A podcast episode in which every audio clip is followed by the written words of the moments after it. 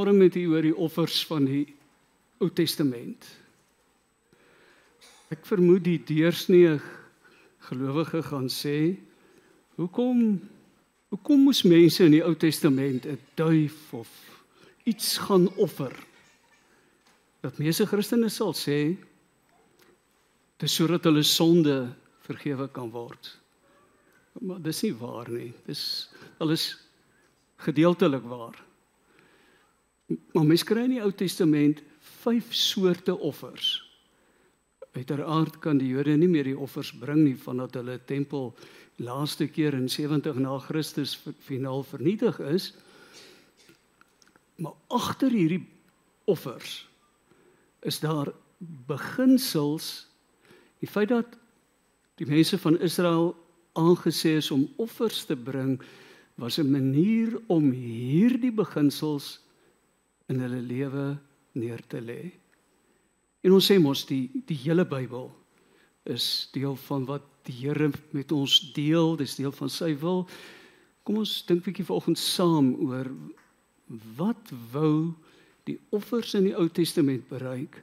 Wat was die waarde en die nut daarvan? Ek gaan ek vermoed jy gaan sien dis 'n belangrike saak. Kry in die Ou Testament vyf soorte offers. Ek gaan vinnigerig na elkeen van hulle verwys en sê wat is die beginsels en dan gaan ek drie afleidings daaruit maak. In eerste plek 'n brandoffer. Dis enige offer van 'n die dier, selfs net 'n duif, afhangende van hoe hoeveel geld jy het, kon jy enige dier wat rein is bring en 'n mens het dit gedoen as daar by jou die behoefte, die begeerte was, jy kon dit enige tyd doen. Daar was nie 'n verpligting om dit nou eenmal 'n jaar of wat ook al doen nie. Jy kon dit enige tyd doen, maar as, as daar by jou begeerte was om te sê, Here, ek is lief vir U. U is vir my waardevol. U beteken vir my so baie. En ek wil op u liefde kom antwoord deur myself aan u te wy. Ryk, arm, enige mens is aangemoedig om dit te doen. Luister nou mooi, 'n offer waarmee jy uitdrukking kon gee daaraan van jou liefde, jou waardering vir die Here. Ek het vir 'n hele klomp jare as 'n kapelaan by Kreeusop gevangenisdiens gedoen. Dit is nou nogal 'n interessante klomp kliënte om voor jou in die kerk te hê, maar ek het ook dikwels met geharde misdadigers onderhoude moes voer. Ouens wat hulle agter 'n dik glas sit omdat hulle so aggressief is dat hulle dikwels in kettinge in hulle selle vasgemaak word om die ander te teen hulle te beskerm dis harde manne. Hulle baard het het baie vroeg al hard geword. Maar ek het gevind as jy vir hierdie man vra, het jou ma vir jou omgegee, dan roer dit hom.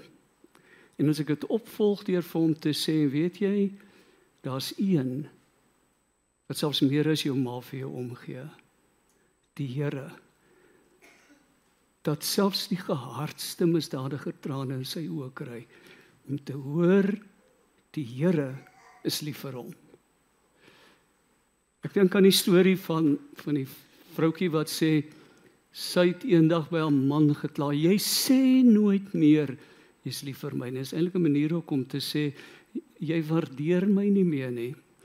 Waarop hy haar ewe koel en rasioneel geantwoord het: Ek het jou 20 jaar terug gesê as ek van gedagte verander sal ek jou betyds inlig. Ons het nodig. Ons het nodig, selfs mans, volgroeide volwasse mans het nodig om te hoor ek is lief vir jou. Kom ons dra dit in ons huise en kom ons begin deur vir die Here 'n liefdesoffer te bring en as ons opstaan dan gaan sê ons bietjie vir die mense wat met ons moet probeer huishou. En ons vuil kouse partykeer agter ons moet optel. Ek waardeer jou. Ek wil jou komplimenteer dat jy kan uithou met iemand soos ek. Daar was in die tweede plek 'n graanoffer.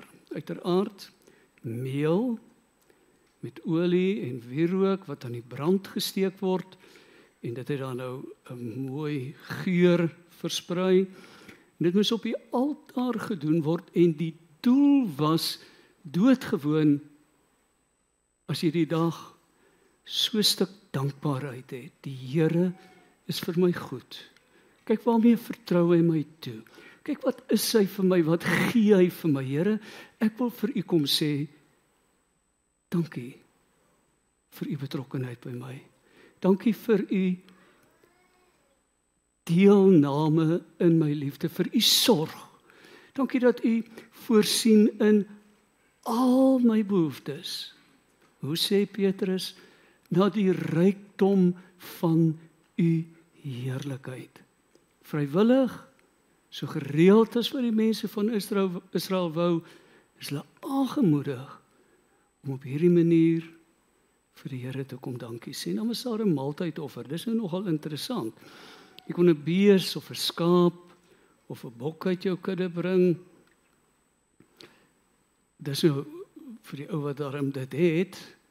Maar nou in Israel was daar nou hierdie groot families, ons sien dit nou nog soms in Afrika waar 'n ou nie net 'n gesin het nie, as jy hierdie dag partytjie hou, dan nooi jy die hele spul van hulle. En jy huur nie 'n baie duur plek nie. Jy gaan sommer tempel toe want by die tempel word hierdie dier geslag en dan word die vet aan die binnegoed die twee niere en 'n deel van die lewer afgesny en op die altaar aan die Here geoffer. Dis die Here se deel. En ek kom met my hele familie en die res daarvan braai ons en ons hou 'n fees van waardering vir wat die Here en wat ons vir mekaar beteken want die doel van die graanoffer was vir families om te sê Here U het ons nie alleen gelos nie. Kyk al die mense wat U rondom ons geplaas het. As ou nou die dag regtig siek is, dan is dit die mense wat jy waardeer. Maar kom ons skep die geleentheid om gereeld 'n graanoffer te bring. Dink bietjie daaraan. Ons hou 'n partytjie op 'n Saterdagmiddag laat. Ons braai 'n heerlike stuk vleis en ons sê Here, Ons wy hierdie middag in dankbaarheid en waardering teenoor U dat U ons vir mekaar gegee het. Hoorie wat sê ek vir u oor die offers van die Ou Testament wat 'n uiters belangrike boodskap het. Israel bring nie meer daardie offers nie, maar as hulle slim is, gaan hulle daardie beginsels in hulle lewe toepas. Dan is daar 'n vierde plek Ons kom nog by die sondeoffer, maar daar's nog eers 'n skuldoffer. Wonder of jy dit al raak gelees het in die Ou Testament. Dis interessant. Wanneer ek iemand anders onreg aangedoen het. Ek het 'n storie van iemand gemaak of ek het iemand ingeloop. Wat ook al die geval mag wees. Gaan ek na die tempel en ek bring 'n skuldoffer soos wat ek kan bekostig om dit te bring en teenoor die priester bely ek wat ek gedoen het. Nou as daar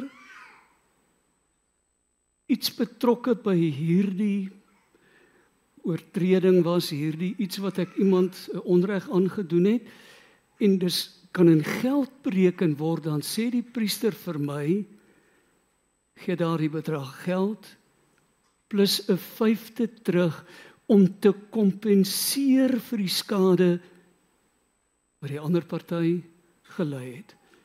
As dit sê nou maar 'n skinderveld tog is wat ek te lekker teenoor iemand gevier het, gevoer het, dan sal die priester 'n berekening doen, 'n vyfde bytel vir my sê dis die kompensasie. En natuurlik die persoon wat te nagekom is, word dan deur die priester, deur die tempel owerhede beloon en dis 'n manier om vergifnis te vra en te kry. Ek dink in baie gevalle bestaan vergifnis by ons bloot uit 'n verbale verskoning wat ek aanbied. Maar as daar kompensasie nodig is om waarde te gee aan my woorde, dan moet ek ook daarvoor voorsiening maak. Dis nie altyd net goed genoeg om te sê skuis dat ek onbedagsaam was nie. 'n Lintsjokolade is 'n gawe manier om te kompenseer, veral vir meeste vrouens. Ek dink die die les wat ons hieruit kan leer is dat ongevoeligheid teenoor ander mense, 'n oortreding wat ek teenoor 'n ander mens pleeg, direk met die tempel te doen het. Want dit beïnvloed die verhouding wat ek met die Here het. Luister 'n bietjie wat sê 1 Petrus 3 vers 7. Mans is verstommend dat Petrus dink dit moet net die mans wees, maar ek vermoed hy het ietsie weet. Mans, julle moet verstandig met julle vrouens saamleef. Bewys eer aan hulle as die swakker geslag. Nou ons kan oor daardie swakker hele paar dinge sê, maar kom ons los dit vir eers daar. As die swakker geslag wat saam met julle deel in die lewe as genadegawe. Luister dan na hierdie woorde. Dan sal julle kan bid sonder dat iets julle verhinder. As ek 'n klomp onafgehandelde besigheid agter my het, moet ek maar redelik hard begin bid. Want die Here hoor nie Hoe kan die stemme van mense wat te nagekom is deur my wanneer ek met hom probeer praat nie totdat ek daardie besigheid afgehandel het. En dan in die laaste plek, die sondeoffer. Klink vir my dit reën heerlik buite. Sondeoffer bestaan uit dat ek weer eens 'n skaap of 'n bok of twee tortelduwe of ander duwe bring. Dit het nie gegaan oor wat ek bring nie, dit gegaan oor wat in my hart aangaan, afhangend van my vermoë. En die doel was om verzoening te doen. Want ek het teenoor die Here oortree. Dalk het ek dit onbewustelik gedoen. Dalk was ek onverskillig of of nalatig in diens van die Here of iets wat ek in, 'n oomblik van swakheid gedoen het en ek bring die offer en bloed, dis die simbool, bloed word gestort vir my sonde sodat ek nie met my eie bloed daarvoor betaal nie. Nou dink ek jy al klaar gedink aan wat aan die kruis gebeur het. Christus wat vir eens en vir altyd vir ons sonde gesterf het sodat ons bloed nie betaal vir die sonde wat ons gepleeg het nie. Die offers was bedoel 'n laaste opmerk om uitdrukking te gee aan die intimiteit van ons verhouding met die Here, die rol wat dit in ons lewe speel, maar ook ons verhouding met die mense om ons. Wat sê dit vir ons? Drie opmerkings. Eerste plek. Ons leef nie meer in die tyd van die offers nie. Hebreërs 7 vers 24 omdat Jesus vir ewig bly beklee hy 'n priesterskap wat nie op ander oorgedra word nie. Daarom kan hy ook die wat deur hom na God gaan eens en vir altyd verlos. Hy lewe vir altyd om vir hulle by God in te tree. In die eerste plek loof ons die Here vir wat Christus aan die kruis vir ons kom doen het. Gaan lees gerus die res van hoofstuk 7. Dis die tema van daardie hoofstuk. In die tweede plek ook ons dink ek het dikwels die behoefte om ons uitdrukking van ons liefde, ons waardering, ons dank aan die Here oor te dra. Nou vind ek soms Sondag is nie altyd 'n baie goeie dag vir kerk nie. Want 'n man staan op en jy is maar half luierig. Jy trek so 'n bietjie stadiger aan en jy borsel jou tande ook sommer en stadiger. En in die kerk kom 'n mens bietjie moeiliker uit die blokke dalk as ander dae. Maar kom ons beskou elke aanbiddingsgeleentheid as 'n geleentheid om ons offer aan die Here te bring. Daarom dat ons gefokus, Rinus het vanoggend die woordjie gefokus gebruik, dat ons fokus op waarmee ons besig is en op wie ons besig is.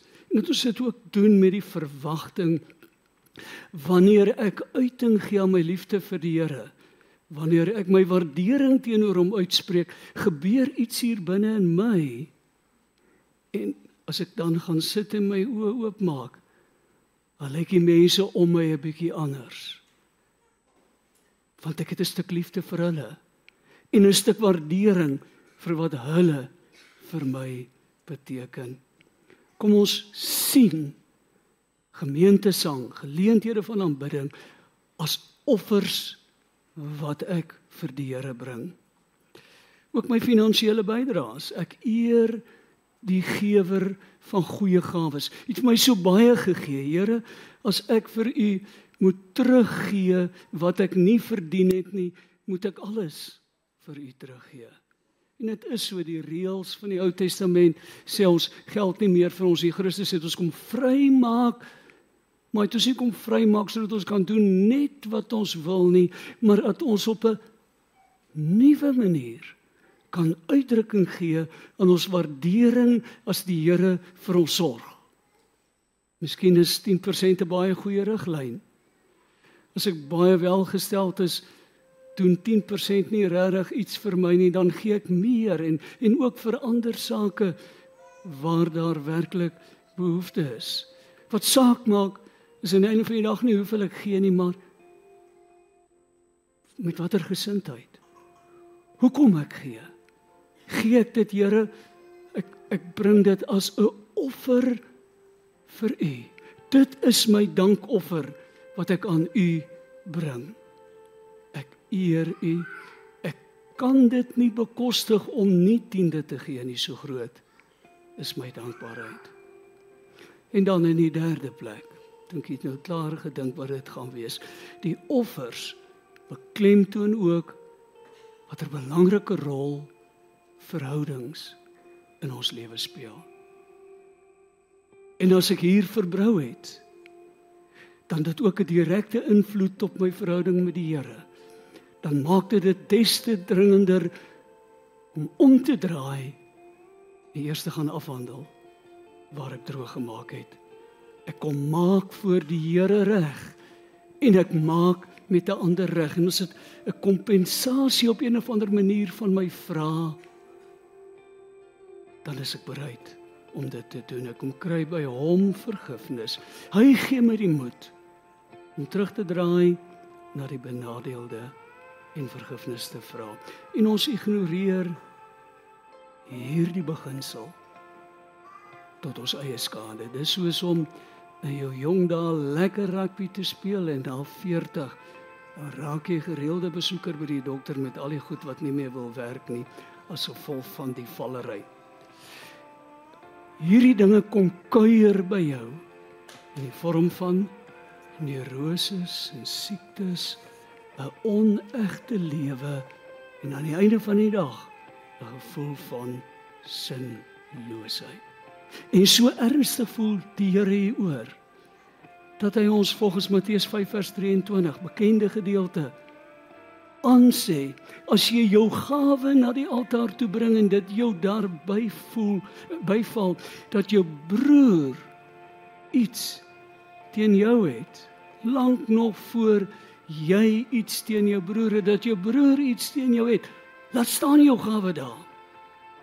Jy gemaak eers vrede met jou broer en kom dan en bring jou gawe die Here wil ons aanmoedig. Hy het 'n belang daarbey dat ons reg voor hom lewe deur ook enigiets wat bitterheid en wrokke tot gevolg kan hê vroegtydig aan te spreek. Handel, besigheid dieselfde dag af. Efesiërs 4 vers 26 sê: Moenie 'n dag kwaad afsluit nie. Moenie die duiwel vat kans gee nie. Want dis wat jy doen. Jy laat ruimte vir boosheid wanneer jy bitterheid in jou hart bewaar. Sluit af met 'n laaste vraagie. Hoekom die Ou Testament wetgewing oor offers? Dit het te doen met met 'n lewenswyse. Ek dink jy het nou agtergekom. Dit het te doen daarmee dat die gunsteling woord in die Moses wetgewing die woordjie heilig is 152 maal in die boek Levitikus alleen. Een baie goeie voorbeeld Levitikus 19 vers 2. Wys wees heilig want ek die Here julle God is heilig. Heilig. Sonderloos. Hoe is dit moontlik? Nee. Dis om die koeie en die melk met mekaar te verwar. Heilig beteken om eenkant gesit te word vir 'n spesifieke taak. Om afgesonder te wees om met jou lewe 'n spesifieke funksie te vervul. Wat is daardie funksie? Genesis 1 vers 27. God het die mens geskep as sy verteenwoordiger. Ons lewe namens God. Daarom is dit so belangrik dat hy in ons lewe regeer, sy koninkryk kom, want wanneer hy in ons lewe regeer, doen ons sy wil. Wat gebeur as ons sy wil doen? Ons word God se verteenwoordigers. En wat 'n rol speel die offers daarin? Dit bevat van die belangrike beginsels waarmee ons God se regering in ons lewe vestig en sy wil doen. Kom ons raak 'n oomblik stil voor die Here. Ons hemelse Vader.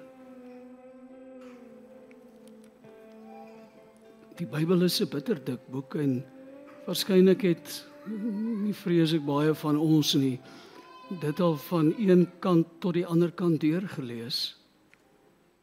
Maar telke male ontdek ons nuwe diamante in hierdie boek.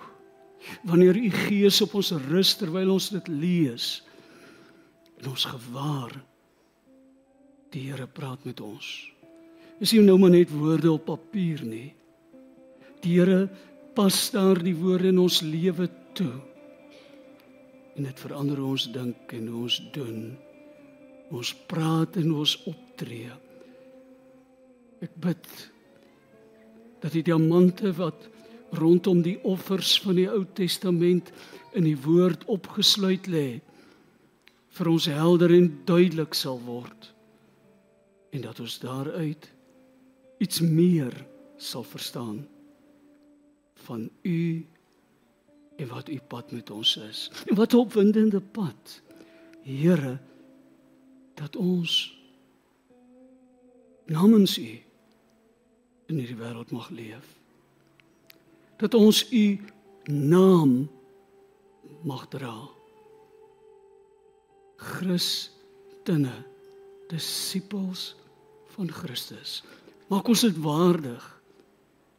Maak ons heilig afgesonder terwyl ons ons lewe daaraan wy om vir U te leef. In Jesus se naam bid ons dit. Amen.